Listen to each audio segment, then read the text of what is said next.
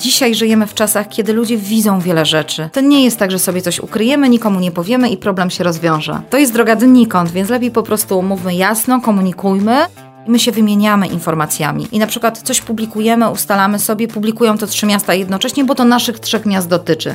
Wzajemnie się oznaczamy, wzajemnie sobie udostępniamy. To nam się też sprawdza, muszę przyznać. Mieszkańcy mają prawo być niezadowoleni, mają prawo wyrazić swoje zdanie, nawet krytyczne. Znam samorządy, w których takie komentarze się usuwa. Zostawia się tylko pozytywne. Nie uważam, że to jest ok. Uważam, że każdy ma prawo mieć własne zdanie, więc my takie rzeczy zostawiamy.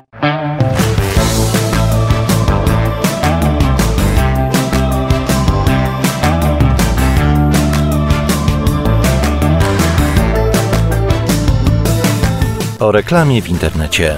Dla kogo? Za ile? I po co? Opowiada Piotr Polok. Pyta Natalia Siuta. Z tej strony Natalia Siuta i Piotrek Polok, a z nami Ewa Grudniok, która od ponad 12 lat jest rzeczniczką prasową Urzędu Miasta Tychy. Wcześniej przez kilka lat była związana z telewizją polską, głównie z oddziałem TVP Katowice. Na co dzień współpracuje z mediami i samorządami z całej Polski oraz korporacjami samorządowymi. Jako naczelniczka biura prasowego odpowiada również m.in. za realizację polityki informacyjnej miasta. Prosty język uważa za klucz do dobrej i skutecznej komunikacji, dlatego była inicjatorką wdrożenia w tyskim magistracie projektu Prostego Słowa i współpracy z pracownią Polskiej Polszczyzny Uniwersytetu Wrocławskiego. Cześć. Cześć, witajcie. Cześć. Ewo, czy częściej, y, jeżeli chodzi o działania komunikacyjne na terenie miasta, prowadzicie je w świecie online, czy może jednak w świecie rzeczywistym? I to są na przykład reklamy tranzytowe, reklamy na terenie miasta, po prostu różnego typu. Myślę, że e, na przestrzeni moich lat pracy w Urzędzie Miasta widzę, jak bardzo to się zmienia. Coraz większy nacisk kładziemy jednak na komunikację w sieci i wykorzystujemy oczywiście wszelkie możliwe narzędzia, ale uważam też, e, że nie możemy rezygnować z takich tradycyjnych form komunikacji i o nie też dbamy. Wciąż jest grupa mieszkańców, która nie jest biegła w internecie, która nawet nie ma komputera. To są często nasi seniorzy, chociaż też dla nich organizujemy zajęcia w różnych przestrzeniach właśnie z obsługi komputera i dodam, że oni bardzo chętnie w tych zajęciach uczestniczą, ale nie wszyscy. Więc myślę, że dzisiaj wciąż musimy, komunikując do naszych mieszkańców, musimy wykorzystywać różne kanały komunikacji, zadbać również o te osoby, które e, nie mają dostępu do internetu, nie korzystają na co dzień z komputera. To ja od razu zapytam, czy to są e, komunikaty targetowane, że tak powiem, do konkretnych grup docelowych, czyli inaczej będziecie komunikować do uczniów szkół podstawowych, inaczej do seniorów, czy puszczacie po prostu te same kampanie w online i w offline? Przede wszystkim musimy patrzeć na tego, do kogo kierujemy przekaz. E, na to wpływ ma również oczywiście język, jakiego używamy w tym przekazie. Natomiast e, nieraz razem z moimi współpracownikami, bo w naszym wydziale jest też strona internetowa Urzędu Miasta, miejski Facebook, e, Instagram, dyskutujemy na ten temat, na ile możemy sobie pozwolić na taką luźną komunikację. Z mojej obserwacji kanałów samorządowych, w całej Polsce wynika, że ten język faktycznie cały czas się zmienia. To znaczy jest coraz prostszy, kontaktujemy się coraz bardziej bezpośrednio i nieraz sami mamy dylematy, jak daleko w tej bezpośredniej komunikacji możemy się posunąć. Mam na myśli tutaj, e, wiecie, taki bezpośredni zwrot do naszych mieszkańców. Nie każdemu to się podoba. Mamy też czasami komentarze, że ludzie piszą, ale e, piszecie my, wy a my się przecież nie znamy, dlaczego nie stosujecie formy, proszę Państwa? Więc to jest trudne, to na pewno się zmienia i to będzie szło w tą stronę e, uproszczenia języka i tej bezpośredniości, ale jeszcze nie dla wszystkich to jest e, jasne i zrozumiałe. Staramy się to wyważyć. Ja też przepraszam od razu za wtrącenia jakieś tam angielskie i korporacyjne, e, ale tak to już u mnie jest. E, natomiast zapytam właśnie o te słowa. Czy to jest trochę tak, że widzisz albo widzicie jako specjaliści, że język młodzieży się zmienia na tyle, że musicie używać tych właśnie zwrotów albo angielskich wtrąceń e, do komunikacji? Ja nie widzę Tychy takiej są potrzeby. Cool? Tychy są cool, zdecydowanie ale ja myślę, że my powinniśmy też dbać o to, by korzystać z języka polskiego. Myślę, że mamy tyle odpowiedników, słowa cool chociażby, e, że mamy w czym wybierać i nie musimy tego robić. I naszym obowiązkiem chyba jako samorządowców, ale też osób zajmujących się językiem jest to, żeby dbać o ten język polski i korzystać z języka polskiego na co dzień. Myślę, że młodzież też naprawdę nie ma z tym problemu. Sama jako matka nastolatka o tym wiem, bo tego doświadczam. Jeżeli chodzi o ten język komunikacji w ogóle, nie tylko w social mediach, nie tylko podczas wszelkiego typu kampanii edukacyjnych, informacyjnych na terenie miasta, urzędnicy przechodzili takie szkolenia właśnie z tego, jak komunikować się z mieszkańcami, nie tylko w, tak twarzą w twarz, nie tylko w internecie, ale też chociażby poprzez pisma, które do nich są wysyłane. Na czym to szkolenie polegało, jakie efekty tego? Jak przyszłam do urzędu 12 lat temu, to dla mnie e, dużym zaskoczeniem było to, kiedy prosiłam jakiegoś naczelnika, pracownika urzędu czy dyrektora jednostki miejskiej o informację, bo dostałam pytanie od dziennikarza i chciałam po prostu dziennikarzowi odpowiedzieć. I ku mojemu zaskoczeniu, po latach pracy w mediach, sami pracujecie, zajmujecie się komunikacją, więc wiecie, jak ważny jest prosty, szybki, konkretny przekaz. I ku mojemu zaskoczeniu otrzymywałam na proste dwa pytania, pisma na stronę A4 albo dłuższe. Zdarzyło mi się również tak, że e, pytanie naprawdę było proste. Dostałam odpowiedź na dwie strony A4, gdzie nie było w ogóle zawartej odpowiedzi na te pytania. Zadzwoniłam do pana dyrektora jednostki i mówię: Panie dyrektorze, bardzo dziękuję, że pan tyle pracy w to włożył, ale nie znajduję odpowiedzi na pytania, które do pana skierowałam. No i pan dyrektor mi powiedział: ale przecież o to chodzi, żeby odpowiadać nie odpowiadając. Więc totalnie mnie to zaskoczyło. Było to dla mnie bardzo trudne, chociażby dlatego, że trudno było mi współpracować z dziennikarzami, udzielać im odpowiedzi, skoro jej nie znałam. Chcieli konkretów. Chcieli konkretów i słusznie, więc ja absolutnie jestem zwolenniczką konkretnych, jasnych, prostych, klarownych e, informacji. Co więcej, uważam, że urzędnicy są dla mieszkańców, i nam powinno bardzo zależeć, żeby nas mieszkańcy rozumieli. Sama nie mieszkam w Tychach, mieszkam w sąsiedniej gminie, otrzymuję czasami pismo i zdarzyło mi się raz zadzwonić do urzędu i powiedzieć pani urzędniczce, że właściwie to równie dobrze mogliby mi to napisać po chińsku, bo ja nic z tego nie rozumiem. I wyobrażam sobie frustrację mieszkańców, którzy otrzymują takie pisma, czy otrzymywali z Urzędu Miasta Tychy. I bardzo długo rozmawiałam z panem prezydentem i z zarządem miasta, żebyśmy jednak coś w tej kwestii zrobili. Nie wiedziałam do końca, jak się za to zabrać, bo wiedziałam, że to jest bardzo trudny projekt, że będzie budził opór urzędników. Każda zmiana budzi opór. E, że będzie to wymagało bardzo dużo pracy. Jadąc samochodem usłyszałam audycję pana doktora Tomasza Piekota, to jest właśnie pan doktor z Uniwersytetu Wrocławskiego, z pracowni Polskiej Polszczyzny i on mówił o takim podobnym projekcie, który w komercyjnej firmie zaczęli realizować. Postanowiłam skontaktować się z panem doktorem, on powiedział, jak możemy to zrobić, jak możemy to przeprowadzić. I tak się złożyło, że kilka dni później pan prezydent dostał pismo na biurko od jednego z radnych, który przyszedł do niego wzburzony, że dostał odpowiedź na pytanie pani naczelnik i on nic z tego nie zrozumiał. I co więcej, pan prezydent przeczytał to pismo i mówi: Nie, no ja też nic z tego nie rozumiem. I to był taki sygnał, że nie, że robimy, po prostu działamy i, i to był początek. I to był czerwiec 2018 roku. Zrobiliśmy konferencję prasową. Rozpoczęliśmy też od tego, że pan prezydent spotkał się z urzędnikami i on powiedział, że słuchajcie, wprowadzamy zmiany. Ja wierzę w ten projekt, musimy to zrobić. Dla mnie osobiście było to bardzo ważne, bo kiedy pan prezydent mówi urzędnikom, działamy, to oni też mają takie silniejsze poczucie, że trzeba. I zaczęliśmy od wydziału, z którego wychodzi najwięcej pism. To był wtedy Wydział Nieruchomości i Wydział Podatków, takie dwa wydziały. Ja sobie wtedy sprawdziłam, rocznie z Utyskiego Urzędu wychodzi około 100 tysięcy pism. Z tych wydziałów najwięcej. W Wydziale Podatków też jest prościej, bo te pisma często są bardzo podobne do siebie, tylko dane się zmieniają i kwoty, prawda? I odbyły się warsztaty, pracowali pracownicy na konkretnych pismach, które wychodzą z urzędu pod e, okiem fachowców z pracowni polskiej polszczyzny zmieniali te pisma. No i tak zaczęliśmy. Dzisiaj jesteśmy na tym etapie, że prawie wszyscy urzędnicy zostali już przeszkoleni. Szkolą się pracownicy jednostek miejskich. Również spółki miejskie też są tym zainteresowane i też ich będziemy w to wciągali. Robiliśmy też badania dotyczące tego, e, jak mieszkańcy postrzegają tą zmianę.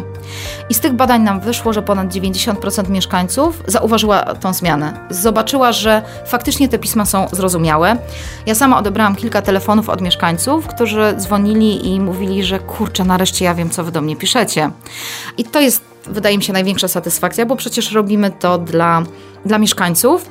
I co więcej, e, ten projekt został dostrzeżony przez e, różne środowiska samorządowe. Odebraliśmy e, za ten projekt kilka nagród. No i też miałam okazję uczestniczyć w kwietniu tego roku w takim wyjeździe studyjnym do Bergen, do Norwegii. Zresztą przy okazji się okazało, że właśnie miasto Bergen realizuje podobny projekt, też związany ze zmianą języka urzędowego.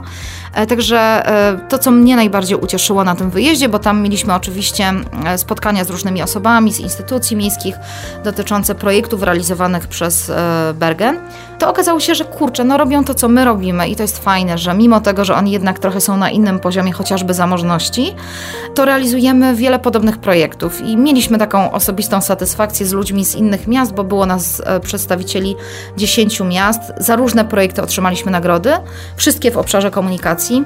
I jak wracaliśmy, długo o tym rozmawialiśmy, że mamy takie poczucie, że to nie jest tak, że my tak bardzo odbiegamy od nich to było super i, i bardzo się z tego cieszę. Myślę, że śmiało możemy też powiedzieć, że dzisiaj odchodzimy od wodolejstwa i że te minimum słów, a maksimum przekazu jest istotne już nie tylko w copywritingu, ale też w pismach właśnie urzędniczych i, i ogólnie w przekazach do zwykłych ludzi, że się tak wyrażę. Zdecydowanie, zdecydowanie się zgadzam. Właśnie e, tak teraz działamy. Przypomniała mi się jeszcze jedna rzecz, jak, jak mówiłeś. Obawą urzędników było też to, czy te pisma będą spełniały standardy urzędowe. Mówię na przykład o takich pismach związanych z jakąś egzekucją podatkową. Nawet nadzór wojewody dzwonił do Wydziału Nieruchomości, rozmawiałam z panią naczelnik, ona mi o tym historii opowiadała. Co wy tam robicie w tych tychach? Co to ma być? To nie może tak wyglądać. Ale okazało się, że może. I żadna decyzja e, napisana już w ten nowy sposób. My zrobiliśmy to tak, że przede wszystkim wprowadziliśmy śródtytuły, skróciliśmy znacznie treści. Przypisy związane z tym, jaką, jakiej ustawy dotyczy decyzja, są na dole. Więc naprawdę, gdybyście spojrzeli wizualnie, to widać zdecydowaną różnicę, ale jest to znacznie bardziej czytelne. No i e, właśnie najlepsze jest to, że nikt nam nigdy nie uchylił takiej decyzji i że to naprawdę się da zrobić. Czyli po prostu zmienił się układ i skróciła się też ta treść. Tak. Najważniejsze rzeczy są u góry. Przy dłuższych tekstach wprowadzamy śródtytuły. To jest tak, jak się pisze informacje prasowe, tak? Kiedy mamy tytuł, który przyciąga, kiedy w pierwszym zdaniu mówimy o co chodzi. Bo często jest tak, że jeżeli po pierwszym zdaniu nie wiemy, to już dalej nie czytamy. To są takie proste zabiegi, które też przecież stosują często dziennikarze, zwłaszcza prasowi, a dla ludzi to jest y, znaczna pomoc. Co więcej, zrobiliśmy to dla ludzi, ale też dla siebie, bo mamy mniej telefonów od mieszkańców, którzy dzwonią i pytają, co chcecie ode mnie, jak ja to mam rozumieć, mniej wizyt dopytujących mieszkańców, mieszkańców, którzy przychodzą z tymi pismami i proszą o wyjaśnienie, więc taka obopólna korzyść. Można powiedzieć, że takie edukowanie za pomocą pism. Też, też. Ale tych spraw, które mieszkańcy załatwiają jest naprawdę dużo. Myślę, że no każdy z nas przynajmniej raz na kilka lat jednak urząd odwiedza, ma coś do załatwienia, więc ten kontakt z urzędem jest, więc jeśli już jest, to zróbmy, żeby był szybki, łatwy i żeby każdy wiedział o co chodzi. To ja jeszcze dopytam o Norwegię i o tamtą wymianę doświadczeń. Czy tam były takie doświadczenia e, z innych krajów na przykład, e, bo ludzie z różnych krajów jednak tam przyjechali, tak? To byli przedstawiciele e, różnych miast. Miast, okay. Ale bo to był projekt polsko-norweski realizowany przez Związek Miast Polskich. Oprócz Tychów byli przedstawiciele Gdańska, Wrocławia, byli przedstawiciele Krakowa, Niepołomnic, Starachowic, różne miasta i różne projekty. To było bardzo interesujące, bo my wszyscy rozmawialiśmy o tym, co u siebie robimy. Widzieliśmy, e, jakie mamy wspólne cechy, jakie mamy wspólne problemy też w miastach. Przecież jesteśmy wszyscy tacy sami. Kilka rzeczy właśnie realizowanych przez Gdańsk na przykład i przez Wrocław. Tam był taki świetny projekt związany z partycypacją, realizowany właśnie przez Krzyśka Zimnala, którego bardzo serdecznie pozdrawiam. I on był realizowany, kierowany do dzieci. Oni naprawdę wykonali ogrom pracy, chodzili na osiedla, rozmawiali z dziećmi, uzgadniali projekty z dziećmi. Naprawdę y, ogromny szacunek, y, bo wymagało to mnóstwa pracy, ale zrobili naprawdę świetną robotę i przede wszystkim zrobili coś, czego oczekiwali dzieci. To zostało zrealizowane i to jest fantastyczne. Okej, okay, czy w takim razie z tej współpracy polsko-norweskiej różnych miast narodziło się też coś takiego, że pojawił się taki pomysł w głowie, hmm, może też warto w Tychach byłoby to wprowadzić? Może lekko zmodyfikować, ale wprowadzić? Mhm. Przy kilku projektach miałam takie poczucie. Na pewno w Norwegii e, więcej projektów jest konsultowanych i ten proces konsultacji e, jest znacznie dłuższy. Podawano nam przykład zagospodarowania takiej małej działeczki, konsultowano z mieszkańcami to, co tam ma powstać. realizacja tego projektu, tych konsultacji, to było kilkanaście miesięcy. Naprawdę to wszystko było wypracowane z mieszkańcami. To jest fajne, bo potem na etapie już realizacji nie ma, e, no nikt się nie sprzeciwia, tak? Wspólnie to ustaliliśmy, wspólnie to wypracowaliśmy. Natomiast myślę, że to jest możliwe do przeprowadzenia w mniejszych społecznościach, albo może niemożliwe, może łatwiejsze do przeprowadzenia, bo taki większy projekt te społeczności też są dość małe w Norwegii, te miasta nie są przecież e, bardzo duże, przynajmniej w większości. To w przypadku e, takiego dużego miasta, no to wymagałoby to znacznie więcej pracy i obawiam się, że ten moment, kiedy mówimy, mamy działkę, chcemy coś zrobić, do momentu, kiedy faktycznie wypracujemy i będziemy to realizować, trwałoby kilka lat. W tym dostrzegam jakąś trudność w przypadku na przykład planowania budżetu miast z roku na rok. Może trochę też ci mieszkańcy są bardziej świadomi, bardziej e, czują e, społeczeństwo obywatelskie. Ja zastanawiam się, jakby to było. Oni to wszystko robili, konsultowali.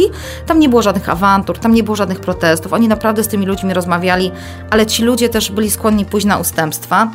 Czasami mam wątpliwości, jakby to w Polsce było. No ale z natury jestem optymistką, więc pewnie ostatecznie i tak taki projekt by się udało w tej formule zrealizować. Okej, okay, to jak y, wywołałaś temat awantur, to może niekoniecznie awantur, ale wszelkich może nieścisłości i dopytań uszczypliwych, może czasami mieszkańców. Jeżeli takie się pojawiają, na przykład w mediach społecznościowych, wy staracie się to wyłapywać non-stop, odpowiadać od razu, czy to trochę inaczej wygląda i nie da się tego tak łatwo po prostu co komentarz sprawdzać? E, na pewno jest tak, że w ciągu ostatnich lat ten język, e, myślę tutaj zwłaszcza o Facebooku, bardzo się zmienił. Nie wiem, jest jakaś chyba ogólna frustracja, może wpływa na to wojna na Ukrainie, może COVID, może po prostu mamy w sobie jakoś mniej cierpliwości, jesteśmy bardziej złośliwi, bardziej roszczeniowi i to widać w mediach społecznościowych. Te komentarze są czasami bardzo hamskie.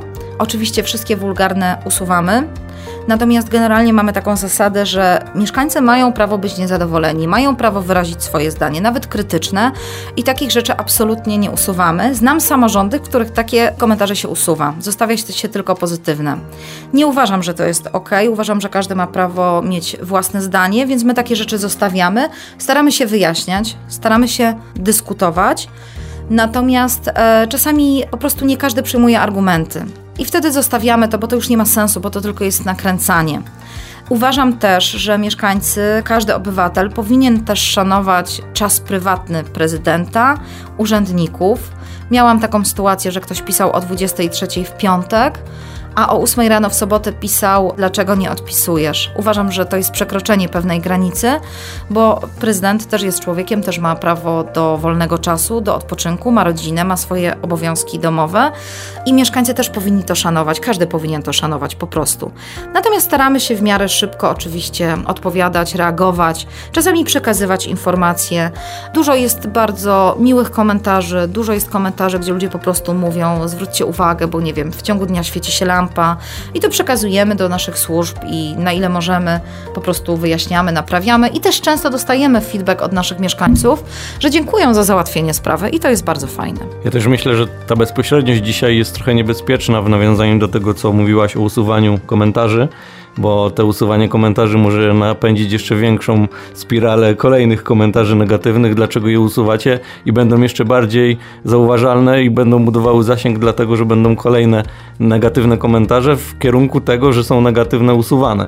Więc czasami chyba lepiej e, zostawić ten negatywny komentarz, odpowiedzieć na niego, że dziękujemy i przepraszamy, albo dziękujemy i zapoznamy się ze sprawą, niż usuwać, bo za chwilę pojawią się kolejne i tak to się kręci. To prawda, zgadzam się. Może to iść e, w tą stronę. Natomiast jeśli ktoś przekroczy pewną granicę kultury, tak, albo tak, będzie kogoś ja obrażał, tych, to to jest jakby Mówię o tych jasna. usuwanych, tak, żeby tylko tak. było 100% pozytywne. Tak, tak. Ja uważam, że to droga donikąd, że naprawdę no, musimy też mieć dystans i jako urzędnicy, i jako ludzie, więc nie, pozwólmy sobie na to, oczywiście. Natomiast mamy kilku takich stałych komentatorów i oni zawsze krytykują wszystko, cokolwiek byśmy nie zrobili. I nawet jak podejmujemy próbę i wyjaśniamy, dlaczego tak, a nie inaczej, no to nie, to po prostu zawsze jest źle. No ale trudno, no tak to po prostu niektórzy mają i, i tyle, no tak jest. Czy te komunikaty, które wykierujecie do mieszkańców, no chociażby właśnie w mediach społecznościowych, one mają być kierowane typowo do Tyszan, czy może też do tych mieszkańców, okolicznych miejscowości, okolicznych miast, którzy wkrótce na przykład do Tychów przyjadą i skorzystają z aquaparku, czy pójdą z dziećmi na plac zabaw, pójdą na stadion na przykład. Albo na paprocany, na... tak jak na przykład ja byłem. tak, tak, tak. I właśnie chciałam do tego też w sumie nawiązać, dlatego że y, taką szybką sondę zrobiliśmy. To nie była reprezentatywna y, liczba osób, ale taka, taka na tyle, że zróżnicowane to były osoby, w sensie ktoś, kto mieszka w Tychach, ktoś, kto tylko, tak jak Piotrek, raz na jakiś czas w Tychach bywa, ktoś, kto pracuje i tak dalej. W każdym razie te paprocany, o których Piotrek tu wspomniał, pojawiały się zawsze. To jest miejsce, w które odwiedza chyba każdy, na to wychodzi przynajmniej z tej szybkiej sądy. Natomiast co z czym Tychy się jeszcze kojarzą, to na przykład pojawiały się ścieżki rowerowe, pojawiał się browar, pojawiały się stadiony, fabryka e, samochodów także. I... I jeszcze hotel, który jest przy Paprocanach. Piramida. Piramida, tak. tak. I, I kojarzę go głównie dlatego, że jest przy Paprocanach i że spała tam kadra Polski. No widzisz, okay. czyli wszystko wokół Paprocan się kręci tak. w takim razie. W sumie nie jestem zaskoczona. E, może mnie trochę zaskoczyło to, że tak wysoko wymieniane są ścieżki rowerowe, ale to super, to naprawdę super, bo dajemy dużo pieniędzy na te ścieżki rowerowe i cały czas ta infrastruktura dla rowerzystów jest e, poprawiana. E, więc fantastycznie, że mieszkańcy to doceniają i podkreślają. Paprocany faktycznie, one po rewitalizacji, którą rozpoczęliśmy parę lat temu, stały się bardzo popularnym ośrodkiem. Tak popularnym, że mieszkańcy nam mówią, proszę już nic tam nie róbcie, bo my chcemy, żeby paprocany były dla Tyszan. A dzisiaj to jest tak, że jeżeli podjedziemy sobie, zwłaszcza w weekend, na ten parking główny koło hotelu, o którym wspomniałeś, i patrzymy na rejestrację samochodów, to tam jest coraz mniej Tyszan, a coraz więcej osób, które przyjeżdżają e, nie tylko z okolicznych gmin, ale z całego województwa śląskiego. E, to jest faktycznie bardzo e, przyjazna przestrzeń. Tam jest dużo atrakcji, tam jest ścieżka rowerowa, tam jest ścieżka piesza, place zabaw dla dzieci. Tam bardzo często przyjeżdżają właśnie rodziny z małymi dziećmi. Latem wodny plac zabaw, który jest uruchamiany. Możemy wypuszczyć kajak, możemy popływać na rowerku wodnym. To naprawdę bardzo y, piękne miejsce i nie jestem zaskoczona popularnością, ale tak jak mówię, Tyszanie mają już trochę tego dość. Woleliby, by był tam większy spokój. Miałam okazję nagrywać e, jedną z wejść do pogody jednej ze stacji telewizyjnych i prowadzący dziennikarz z Warszawy przyjechał na nagranie i on tak patrzy i mówi, nie wierzę po prostu, że ja jestem na Śląsku. Czuję się jakbym był na Mazurach. Nagrywaliśmy ostatnio też, e, mieliśmy wejścia na żywo z Paprocan e, Dzień Dobry TVN przez dwa dni i dziennikarze mówili dokładnie to samo, zresztą cała ekipa, dźwiękowcy, operatorzy, bo trochę rozmawialiśmy i wszyscy absolutnie byli Paprocanami zachwyceni. To jest e, fantastyczne miejsce, więc trudno się dziwić, że mieszkańcy je wskazują jako taki jeden z dzisiejszych symboli Tychów. Wymieniłaś jeszcze browar. Browar, stadiony, tak. Tak, browar, piwo tyskie oczywiście to jest absolutnie rozpoznawalny produkt. Zresztą mamy też taki gadżet miejski właśnie we współpracy z kompanią piwowarską. Fiat też. Fiat też. Myślę, że pewnie trochę mniej, ale, A ale ta fabryka. Jeszcze, o, tak, oczywiście. Nie. I Richard Riddle to też e, symbole miasta. Zresztą pamiętam chyba dwa lata temu post o tym, że powstanie mural Ryśka Ridla był naprawdę najpopularniejszym postem w ciągu ostatnich trzech lat on w ciągu trzech godzin miał kilkaset tysięcy wyświetleń. To pokazuje, jak wciąż e, wielu fanów Marysiek Riedel, jak cieszy się dużym zainteresowaniem. Byłam na otwarciu tego muralu. Przyjechali fani z całej Polski i to było niesamowite i wiem, rozmawiając z nimi, że oni przyjeżdżają do Tychów. Mamy też pomnik e, Ryśka Riedla, zresztą naprzeciwko Urzędu Miasta. Kilka miejsc, w których bywał Ryszard Riedel one wciąż przyciągają ludzi, mimo tego, że od wielu lat przecież Ryszard już nie żyje. Ale czy to znaczy, że no takie szybkie sądy, nawet niemiarodajne, ale coś, co się powtarza jednak, chociażby te paprocane, czy takie wyniki e, w popularności poszczególnych postów, to jest dla Was jasny sygnał, ok, to trzeba podbijać, to jednak innymi kanałami komunikacji na przykład? Patrzycie na to w ten sposób? Oczywiście to analizujemy. Myślę, że to zależy od tego, co chcemy przekazać, bo mówiłaś jeszcze o tym, czy komunikujemy tylko do naszych mieszkańców, czy również do okolicznych miejscowości, tak? Właśnie to zależy od informacji, bo na przykład Wodny Park Tychy ma e, dużo osób, które są spoza Tychów. I oni generalnie prowadzą komunikację, która z zdecydowanie wychodzi poza Tychy. Natomiast my, jako Urząd Miasta, głównie komunikujemy do naszych mieszkańców. Natomiast ja często robię też tak, że jest jakiś temat, który jest na przykład na styku Tychów i Katowic, albo Tychów, Bierunia, albo nie wiem, robimy coś z miastem Sosnowiec. I my wtedy, rzecznicy, my się znamy, mamy też swoją grupę na WhatsAppie. Ona może nie jest tak bardzo aktywna i nie są w niej wszyscy rzecznicy, ale ci, którzy już trochę lat pracują w tej branży, mamy ze sobą grupę i my się wymieniamy informacjami. I na przykład coś publikujemy, ustalamy sobie, publikują to trzy miasta jednocześnie, bo to naszych trzech miast dotyczy. Wzajemnie się oznaczamy, wzajemnie sobie udostępniamy. I takie formy komunikacji też stosujemy i to nam się też sprawdza, muszę przyznać. Więc no i znowu nam wychodzi to. Musimy rozmawiać, musimy sobie przekazywać informacje, bo jeśli nie ma tej informacji, to trudno coś komunikować. Ja to zawsze naszym urzędnikom mówię, bo wciąż jest tak, że proszę ich o jakąś informację i czasami to jest tak, że Wiecie, dziennikarz często dzwoni, jak jest jakiś problem, bo on już wie, bo zgłosił mieszkaniec, bo coś się dzieje. I zdarzyło mi się też wielokrotnie tak, że dzwonię do naszych naczelników i ja mówię, słuchajcie, co tam się dzieje? A oni, skąd ty to wiesz? I część osób ma stresa, jak dzwonię, bo wiedzą, że pewnie coś się dzieje i jest jakiś problem, ale ja zawsze im mówię, że e, słuchajcie, dajcie mi znać, żebym wiedziała. Mi jest łatwiej to wyjaśniać. Mi jest łatwiej dziennikarzom wyjaśniać, a dzisiaj żyjemy w czasach, kiedy ludzie widzą wiele rzeczy. To nie jest tak, że sobie coś ukryjemy, nikomu nie powiemy i problem się rozwiąże. To jest droga donikąd, więc lepiej po prostu mówmy jasno, komunikujmy, mówmy mieszkańcom wprost. Słuchajcie, rozpoczynamy inwestycje. No niestety, będzie ciężko, tak? Będą korki, droga będzie zamknięta. Jeśli ktoś y, narzeka, to zawsze wtedy odpowiadam, no jak możemy zrobić y, drogę, jeśli nie będzie utrudnień, no przykro mi, ale droga jest pod ruchem, no nie ma siły, musi być trudniej, żeby było lepiej. Racjonalni ludzie rozumieją takie argumenty, mm, no ale nie wszyscy oczywiście. A zdarza się tak, że wykorzystujecie media społecznościowe do odpowiadania na pytania i problemy mieszkańców. Y, mam tutaj na myśli, jeżeli ktoś zada pytanie jako, jako jedna osoba, mhm. to czy robicie z tego na przykład jakiś post, żeby wyjaśnić reszcie, żeby trochę jak nasze podcasty, żeby zaoszczędzić czas na odpowiedzi i 50 razy nie mówić tego samego, to mówicie, dobra, stwórzmy post, stwórzmy poradnik, wrzućmy to i w razie czego będziemy wysyłać link do, do tego posta.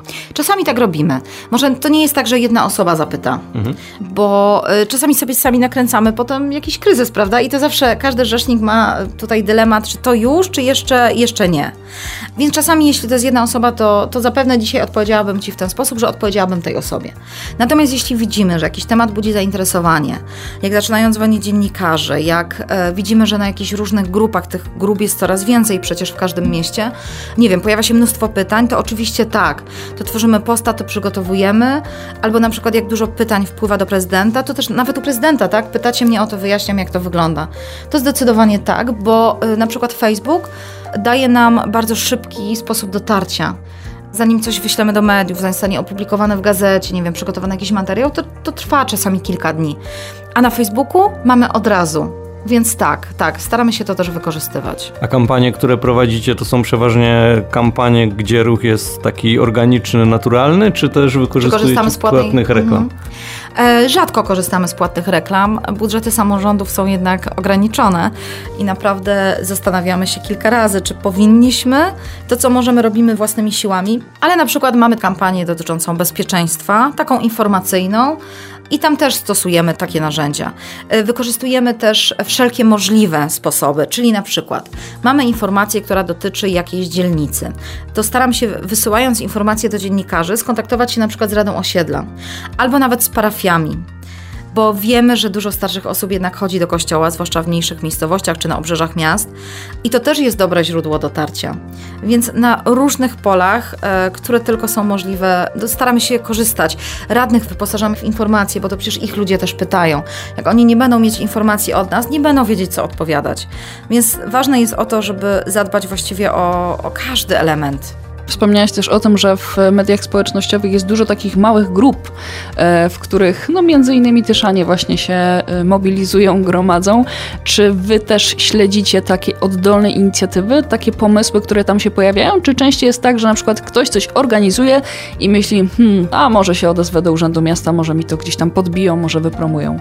Faktycznie często jest tak, że dzwonią e, ludzie zupełnie prywatni, którzy organizują jakieś spotkanie, robią jakieś wydarzenie i proszą nas o wsparcie Generalnie mamy zasadę taką, że na stronie Urzędu Miasta i na Facebooku Miejskim publikujemy takie rzeczy, zwłaszcza jeśli one są bezpłatne dla mieszkańców. Uważam, że powinniśmy puszczać nie tylko informacje, które, e, czy projekty, które realizuje Urząd Miasta, ale na przykład i miałam taką sytuację, że zadzwonił do mnie pan, który, pan Jacek Tus, którego Natalię znasz.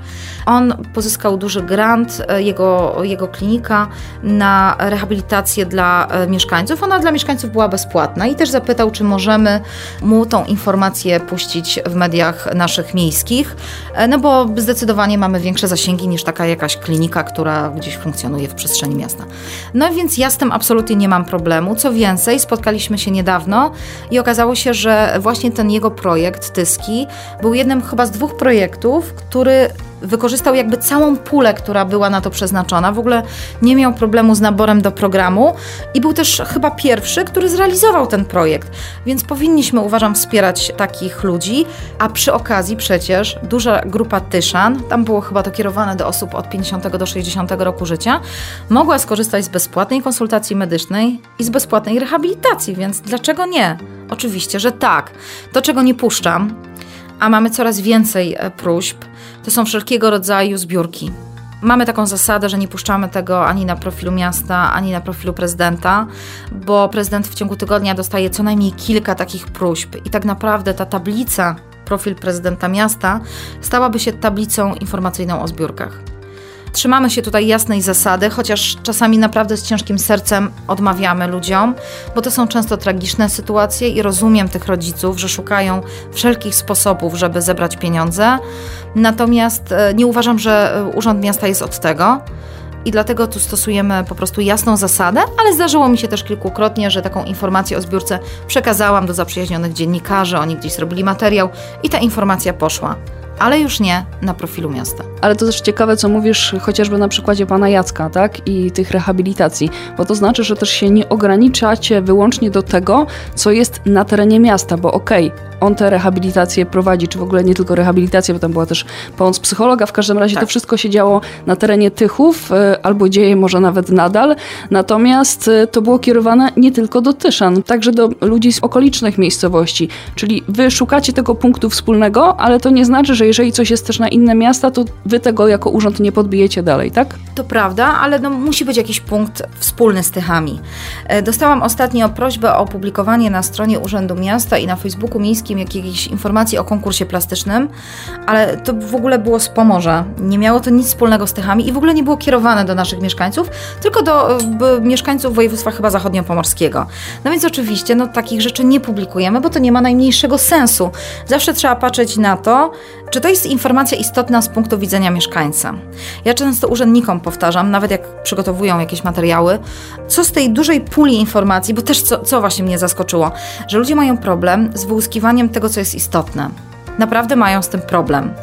I zawsze każdemu to mówię, zastanów się, gdybyś ty był odbiorcą, co dla ciebie byłoby ważne? Miejsce, godzina, cel, zasady? Tak, ale już niekoniecznie jakieś przepasne opisy, bo wiecie o co chodzi. Więc no zawsze przez ten pryzmat mieszkańca czy odbiorcy trzeba patrzeć. E, no ale trzeba też współpracować, bo tak jak mówisz, e, często jest tak, że coś jest na styku tychów innego miasta i ja naprawdę nie widzę problemu o tym, żeby poinformować, że coś będzie się działo, nie wiem, w Dobrowie Górniczej, w Katowicach, ale Tyszanie też mogą z tego korzystać. Poza tym zobaczcie, mamy GZM, Górnośląsko-Zagłębiowską Metropolię. Coraz więcej projektów jest takich e, o zasięgu metropolitalnym, ale na przykład koncert w Katowicach GZM-u będzie miał znaczenie dla mieszkańców, którzy chcą w nim uczestniczyć, bo na przykład będzie darmowa komunikacja, którą można z Tychów dojechać albo wrócić z koncertu. I to jest ważna informacja dla mieszkańców i takie też puszczamy. To ja jeszcze wrócę do tego, e, co wspomniałaś, że coraz więcej ludzi jednak przenosi się do świata online. Chce tam różne sprawy załatwić, ale też szuka tam informacji. Czy w tym pomaga Wam też Uniwersytet Trzeciego Wieku? Bo on już ładnych parę lat, właściwie naście lat, e, działa w Tychach i coraz więcej Tyszan tam y, jest zapisanych, korzysta w różnych rodzajach y, zajęć, nie tylko jeżeli chodzi o e, właśnie korzystanie z komputerów, bo to tak jak wspomniałeś, to też przy innych okazjach, chociażby w Miejskiej Bibliotece Publicznej jest organizowane, ale no, tych zajęć jest mnóstwo i te starsze osoby czasami chodzą na te zajęcia po to, żeby się czegoś nauczyć i wykorzystać chociażby w komunikacji internetowej i nie tylko ze swoimi wnukami, prawnukami. Tyski Uniwersytet Trzeciego Wieku jest jednym z największych w Polsce. Ma ponad 1200 słuchaczy. Chętnych jest znacznie więcej e, i naprawdę ta e, liczba zajęć, które organizuje UTW jest z roku na rok coraz większa. Pamiętam, spotykałam 90-kilkulatkę, która chodziła na zajęcia z Tai Chi. E, spotkałam ostatnio na Paprocanach też pana 86-letniego, który też przyszedł na zajęcia jogi właśnie w ramach UTW. To myślenie o seniorach, że to już takie dziadki siedzące w domu, które nie wychodzą, to naprawdę bardzo się zmienia. Dzisiaj seniorzy są bardzo aktywni. Oni jeżdżą na wycieczki, oni uczą się języków, oni mają kółko taneczne, kółko rzeźbiarskie, kółko literackie. Robią fantastyczne rzeczy. Mają też e, właśnie naukę obsługi komputera. I też to się cieszy dużym zainteresowaniem. Ja obserwuję też po osobach, które korzystają z Facebooka prezydenta i miasta i naprawdę duża grupa osób to są osoby 60. Plus. Także oni też coraz sprawniej poruszają się w internecie, bardzo często komentują, bardzo często, bardzo często e, piszą do prezydenta z różnymi tematami. Mamy też e, Tyską Radę Seniorów, która też jest takim reprezentantem seniorów e, przy urzędzie, przy Radzie Miasta i oni też e, prężnie działają. Także tak, no oni na pewno e, są ważnym ogniwem i, e, i oni chcą być aktywni. Oni sami zgłaszają taką potrzebę, no i realizują te swoje pomysły. O reklamie w internecie. Dla kogo? Za ile? I po co?